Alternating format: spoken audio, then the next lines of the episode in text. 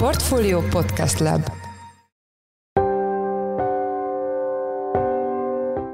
Mindenkit üdvözlünk, ez a Checklist, a Portfolio munkanapokon megjelenő podcastje szeptember 7-én szerdán. Mai adásunknak egy témája van, ez pedig a magyar önkormányzatokat sújtó energiaválság. A most tapasztalható piaci ársok ugyanis olyan mértékben emeli meg a települések energiaszámláit, hogy azokat képtelenségnek tűnik helyi szinten kigazdálkodni. Mostani számításaink szerint 7-8 szoros lesz a gázszámla, az elektromos energiát még nem tudjuk, hiszen ott van egy kedvező szerződésünk 23 végéig. Bízunk benne, hogy a kedvezményes áron fogja a szolgáltató biztosítani, és nem bontja fel a szerződést.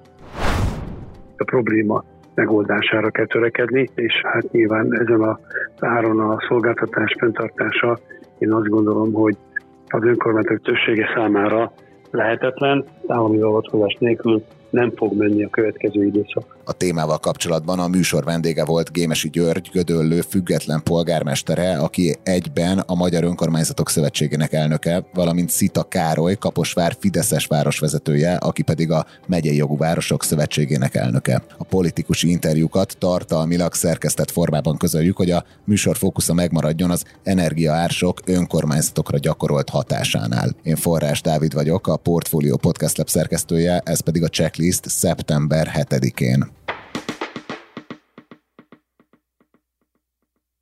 Nem csak a saját energiaköltségeik elszállása, de a nekik helyi szinten szolgáltatásokat nyújtó önkormányzatok rezsiköltségeinek emelkedése miatt is bizonytalan időszak elé néz a magyar lakosság. A témával kapcsolatban itt van velünk telefonon Gémesi György, Gödöllő polgármestere. Jó napot kívánok, polgármester úr, köszönjük, hogy a rendelkezésünkre áll. Jó napot kívánok, köszöntöm a hallgatókat. Hozzávetőlegesen, hogy lehetne szemléltetni, hogy mekkora Gödöllő egy éves energiaszámlája? A városi az több száz millió forint, ha belevesszük a közvilágítás, gáz, energiát, akkor túl vagyunk az 500-600 millió nagyságrenden. Nyilván ez most változni fog természetesen, és ezt lehet arányítani működés szempontjából egy 6 milliárdos költségvetésre, hangsúlyozom működési költségvetésről beszélünk, hiszen a fejlesztések azok más típusú forrást jelentenek. És mire számítanak? Milyen áram fognak most gázhoz és áramhoz jutni, és ez mennyivel fogja megemelni a teljes energiaszámlájukat? Hát ez brutálisan meg fogja emelni. Most a számításaink szerint 7-8 szoros lesz a gázszámla. Az elektromos energiát még nem tudjuk, hiszen ott van egy kedvező szerződésünk 23 végéig. Bízunk benne, hogy a kedvezményes áron fogja a szolgáltató biztosítani, és nem bontja fel a szerződést 23 végéig. Az azt jelenti, hogy az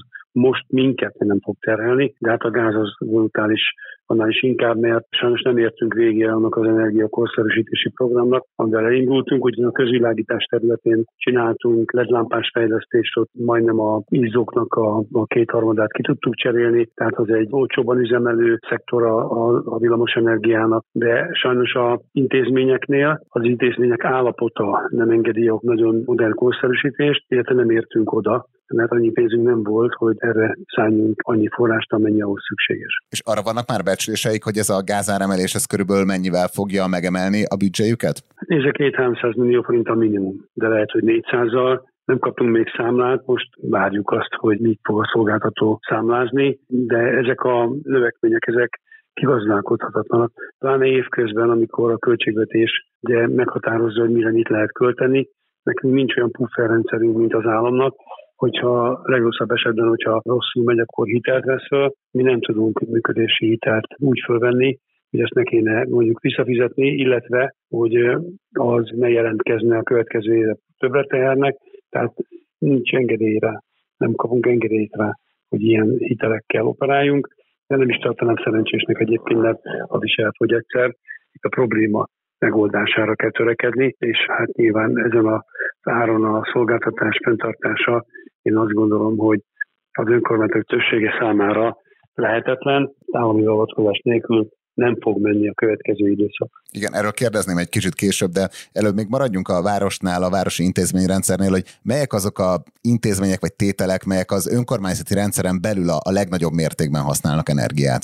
Ez az intézmények fűtése, bölcsödik, óvodák, szociális intézmények, kulturális intézmények, polgármesteri hivatal és elég szeparált intézményhálózatunk van, ezek szívják fel a legtöbb energiát, ezek közül a szociális otthon az egy régi épület, tehát ott sajnos nagyon komoly többletköltséget tudjuk csak biztosítani a fűtést. Itt ugye kisebb településeken lehet már arról olvasni, hogy fizikailag összevannak intézményeket, például a faluházat idősek otthonával. Önök terveznek-e hasonló intézkedést? Egyelőre nem tudom megmondani, hogy mire fogunk rákényszerülni. Az biztos, hogy full fordulatszámmal nem fog menni a művészetek háza, nem fognak menni a kulturális rendezvények, hiszen az fáj a legkevésbé. Óvodát, bölcsödét azt fűteni kell, azok tele vannak, a szociális intézményből nem tudjuk áthelyezni sehova az időseket, tehát nagyon sok mozgásterünk sajnos nincsen, de ahogy a számlák érkeznek, és látjuk a lehetőségeinket, ahhoz fogjuk mérni majd a döntést. Én nem szeretnék elkapkodni, különféle bejelentéseket tenni, kikapcsoljuk a közvilágítást, és egyéb intézményeket bezárunk. Lássuk meg, hogy mi történik. Az biztos, hogy folyamatosan dolgoznak a kollégák azon, hogy hogy tudjuk racionalizálni a működést, hogy hogy tudjuk az energiafogyasztást csökkenteni mindenféle kontrollokat is bevezetünk, tehát nem lehet, hogy hétvégére ne vegye a fűtést az óvodába, bölcsödébe az lévő karbantartó. Ezt a hibát nem követheti el, mert vődületes pénzügyi következményei vannak, és bizony ilyenek problémák is vannak. Megnézzük a szigeteléseket, amit akár csak kézi munkával, egyszerű munkával meg lehet csinálni, hogy ne jöjjön be a hideg az ablakon vagy az ajtón. Tehát ilyen feladatok most elkezdődtek és folyamatosan vannak de összességében, ha döntést kell hozni, ezt menet közben fogjuk meghozni, tehát előre nem szeretném bejelenteni azt, hogy most ezt az azt majd bezárjuk, és akkor ezzel riogatjuk az embereket. Itt a nyugalmat meg kell őrizni, nagyon nehéz a helyzet, nem szeretnék politizálni, meg van erről a politikai véleményem is, de itt most nem az a lényeg, hogy ennek a mentén bújjunk ki bizonyos jellegű megoldási lehetőségek alól, hanem itt az önkormányzatoknak, települési vezetőknek nyilván az első feladata, hogy nyugalom, békesség legyen, stabilitás és a működés meg legyen tartva, és ne kerüljünk a csőd célra. Megjegyzem, ennek a veszélye is megvan, hiszen nem tudjuk a végleges energiárakat, még nem tudjuk a távfűtési változásokat sem, és ugye nálunk van távfűtőművek is, tehát minden esély megvan arra, hogy nagyon rossz helyzetbe kerüljünk, de az első cél most az, hogy együttműködjünk a szakemberekkel, és megpróbáljunk ebből a lehető legkevesebb sérüléssel kijönni, és az emberek nyugalmát pedig, az ő biztonságukat pedig meg tudjuk őrizni ez a lokális feladat most. És ön hogy tapasztalja az energiaválság, az mennyire tematizálja a közbeszédet helyi szinten? Még mindig nem annyira, mint amennyire nagy baj van. Nyilván nem jutott el mindenkihez, most már azért foglalkoznak az emberek vele. Sajnos a nyár az nem arról szól, hogy az ember arról gondolkodjon arról, hogy télen is hogyan, mint fogok ezekkel a feladatokkal megbírózni. Most már jönnek ki az első számlák, nyilván sok téves számla is van, az komoly aggodalmat jelent nyilván a szolgáltatást igénybevevőnek, hogy aztán hogy tud majd reklamálni, hogy tudja átírni. Tehát számos ilyen gond most már kezdi fölkorbácsolni az indulatokat, de itt még messze tudjunk attól, hogy itt komoly érzelmi reakció is legyen erre a folyamatra, de ez is el fog következni, hiszen itt még a mostani számlák csak ugye a nyári fogyasztást jelzik, ami persze nyilván jóval kisebb, mint egy október-novemberbe kezdődő téli számlával kapcsolatosan. Utolsó kérdésem, hogy a kormányzattal folytatnak-e bármilyen egyeztetést, akár közvetlenül, akár valamelyik önkormányzati érdekvédelmi szervezeten keresztül, körvonalazódik-e valamilyen segítség? Sajnálom, hogy a kormány nem keresett minket, viszont én igen. A Magyar Önkormányzatok Szövetsége nevében épp Pintér Sándor úrnak egy levelet, hogy hívja össze azonnali hatája a Önkormányzatok Nemzeti Együttműködési Tanácsát, hiszen itt nem kis dologról van szó. Cserpalkovics András táblázatai, bemutatott táblázatai, segélykiáltásnak is felérő nyilatkozatai egyértelműen az bizonyítják, hogy nagyon nagy baj van. A Székesfehérvár az egy jobban teljesítő város, az egyfőre jutó adóbevételek talán legmagasabbak közé tartoznak az országban. Ha már ő is így vélekedik, akkor azért gondoljuk el, hogy mi van a közepes kisebb településeknél. Nekünk Gödöllőn is megvan a magunk baja. Én azt gondolom, hogy ebben a dologban egy párbeszédre van szükség. Szükség van a kormányzati beavatkozásra, legalább a tekintetben, hogy ne legyünk kiszolgáltatva a szolgáltatónak, hiszen ma arról is szól a történet, hogy nem kapunk ajánlatot. Ilyenkor lehessen menni a kormányhoz, egy olyan kvóta legyen a kormánynak a saját maga döntései alá rendelve, amiből mi le tudjuk igényelni a szükséges energiát, és természetesen ezt napi áron kifizetjük. Ez az első szint, nem piaci áron, napi áron mert a piac drágább, mint a napi ár. És ez nagyon fontos, tehát napi áron kifizetjük. Most is van ilyen lehetőség, csak erre nekünk 10% plusz el kell fizetni az állam számára. Na hát ezt engedjék el, nekünk biztonsággal lehessen elektromos áramot és gázt igényelni, és nyilván felhasználni, és aztán persze kifizetjük. Ha nem tudjuk kifizetni télen, mert olyan magas, akkor a kérésünk között az is benne van, hogy ezt a nyári időszakban tudjuk majd kifizetni, amikor kevesebb a fogyasztás. Tehát egy ilyen elhalasztott fizetés. Ez már egy bizonyos jellegű kedvezmény. De van azért más igény is, mert brutál magasak az árak, tehát valamilyen kedvezményt az önkormányzatok számára mondjuk mint a lakosságnál egy kvótát energiafelhasználás arányosan biztosítson a kormányzat. Mert akkor vagyunk biztonságban, és a mi biztonságunk annak a 10 millió embernek a mindennapi életét biztosítja és hozza biztonságba, akik az önkormányzatok területén élnek és laknak, az állampolgárok. Tehát mi őértük hajtunk, őértük küzdünk meg azért, hogy próbáljunk élhetőbb körülményeket teremteni az energia területén. Elsősorban nyilván azoknál az intézményeknél, amik nálunk vannak, kötelező feladatként, és másodszorban nem kötelező feladatként, illetve hát nem beszéltünk a szociális problémákról, hiszen ezek is nálunk fognak ezzel csapódni, és ezek a keretek, ezek nem nőttek. Tehát itt a torta ugyanakkora, és nyilván azt kell jobban felszeretlenni, hogy tudjunk segíteni mindenki. Tehát ez azt jelenti, hogy például a szociális tűzifából sem áll nagyobb mennyiség rendelkezésre, mint tavaly? Persze, hogy nem áll nagyobb rendelkezésre, és társelnök úr, SS Béla János, a polgármestere elmúlt héten sajtótájékoztatón el is mondta, hogy olyanok kérnek tűzifát most, akik eddig sose kértek, és az, amit adnak, adunk, amit tudunk adni, az messze nem elegendő a fűtési szezonra, tehát az lájtos kis mennyiség, de ebből is most kevesebb fog jutni, mert több a jelentkező. Köszönjük szépen, hogy betekintést nyújtott nekünk a helyi folyamatokba. Az elmúlt percekben Gémesi György, Gödöllő polgármestere volt a portfólió checklist vendége. Polgármester úr, köszönjük, hogy a rendelkezésünkre állt. Én is köszönöm szépen. Maradunk az európai energiakrízis hazai önkormányzati vetületénél. Itt van velünk telefonon Szita Károly, Kaposvár polgármestere. Polgármester úr, üdvözlöm a műsorban. Jó napot kívánok! Az első kérdésem, hogy hozzávetőlegesen mekkora volt Kaposvár tavalyi energiaszámlája, és mekkora a növekedésre számítanak az előttünk álló időszakban? Az utolsó negyedévet mondom önnek, az, mivel az egyetemes szolgáltatási rendszerbe be tudtunk kerülni még évközben, akkor 31 forintért kaptuk kilovatóráját az áramnak. Aztán utána augusztus 1-től a végső menedékes státuszba kerültünk, ez 106 eh, forint volt kilovattóránként, amely még mindig jóval alacsonyabb egyébként, mint a piaci ár. A gáznál is hasonló az arány egyetemesben 103, menedékesben 459. Utolsó negyed évben óvodáinknál, iskoláinknál, közvilágításnál, szociális intézményeinknél, színháznál, sportcsarnoknál és a város működése szempontjából fontos intézményeinknél ez 300 millió forint többletet fog jelenteni, és a következő évi mai árakat figyelembe véve, a mai tőzsdei, illetve a piaci árakat figyelembe vevő ajánlatokat, piaci mozgásokat, pedig a város működésének áram, gáz költsége az 5,3 milliárd forinttal többbe kerülne, és ebben még nincs benne a távfő. Hogyha ezt valamennyire ezt az összeget így kontextusba tudnánk helyezni, hogy mekkora a város intézményrendszer költségvetése? Ez a többlet, de én nem számítok ennyire. Engedje meg először a kérdésére adandó válasz. Ennek a duplája a működési költségvetésünk. Vagyis az energia árnövekedés duplája a működési költségvetésünk.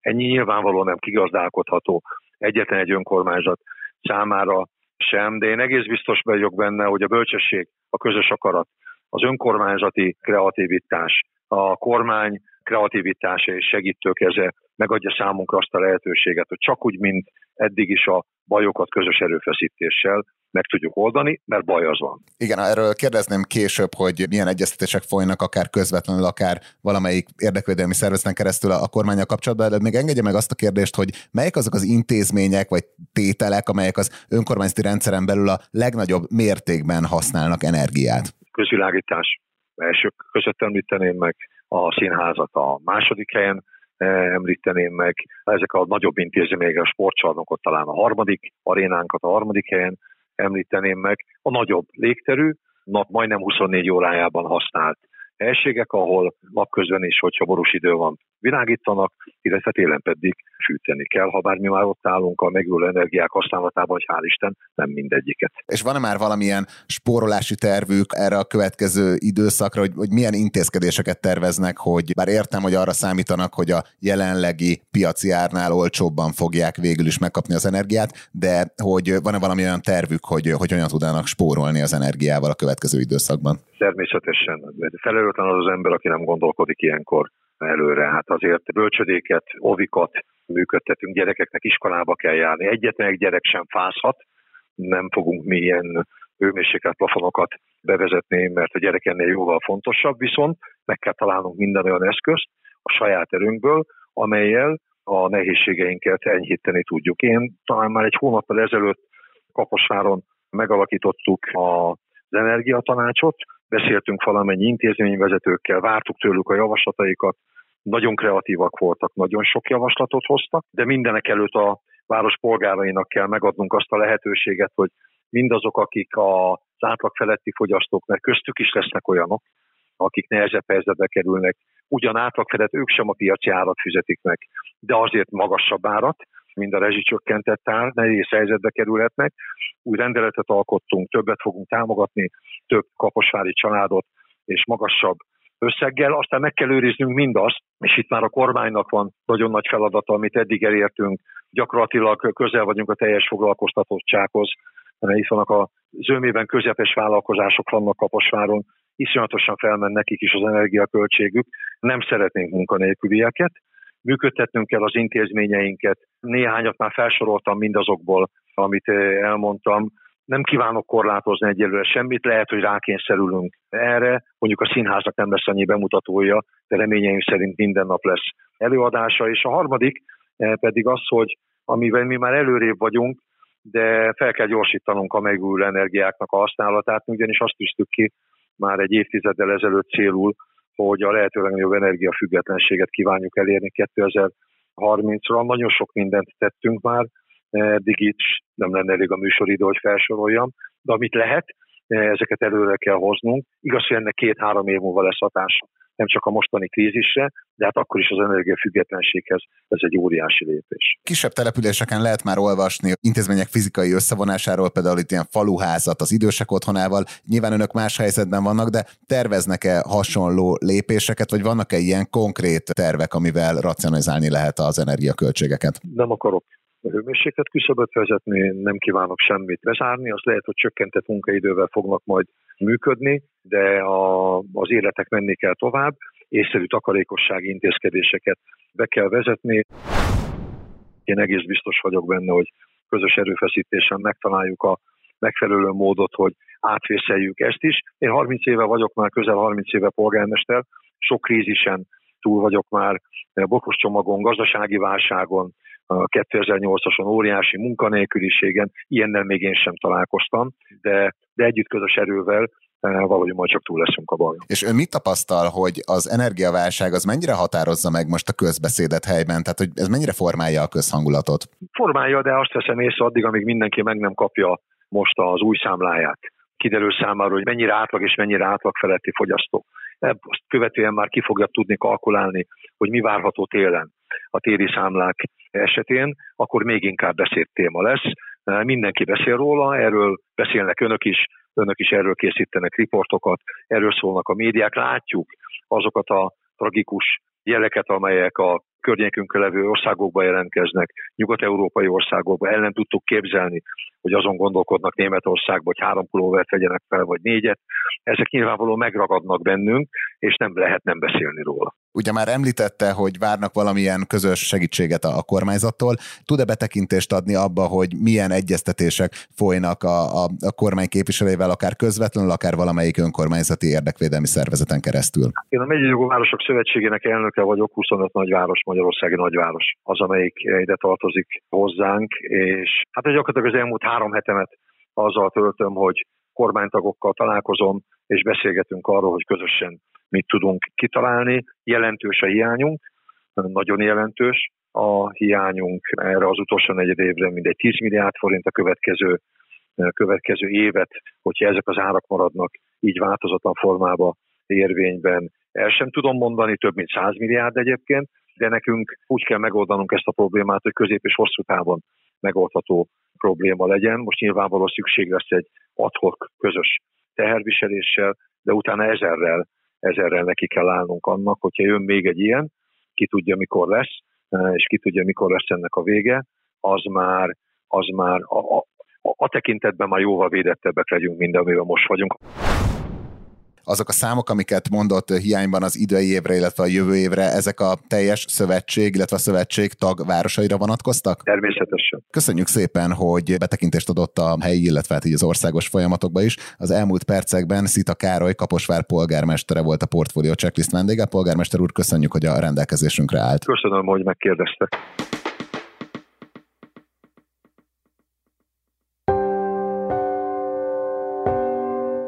Ez volt már a Checklist, a Portfólió munkanapokon megjelenő podcastje. Ha tetszett az adás, iratkozz fel podcast csatornánkra valamelyik nagy podcast felületen, például a Spotify-on, az Apple Podcast-en vagy a Google Podcast-en. Ha segítenél nekünk abban, hogy minél több hallgatóhoz eljussunk, akkor arra kérünk, hogy értékeld a Portfólió Checklist podcast csatornáját azon a platformon, ahol követsz minket. A mai adás elkészítésében részt vett Bánhidi Bálint és gombkötő Emma, a szerkesztő pedig én, Forrás Dávid voltam. Új adással holnap, azaz csütörtökön 5-kor jelentkezünk, addig is minden jót kívánunk, sziasztok!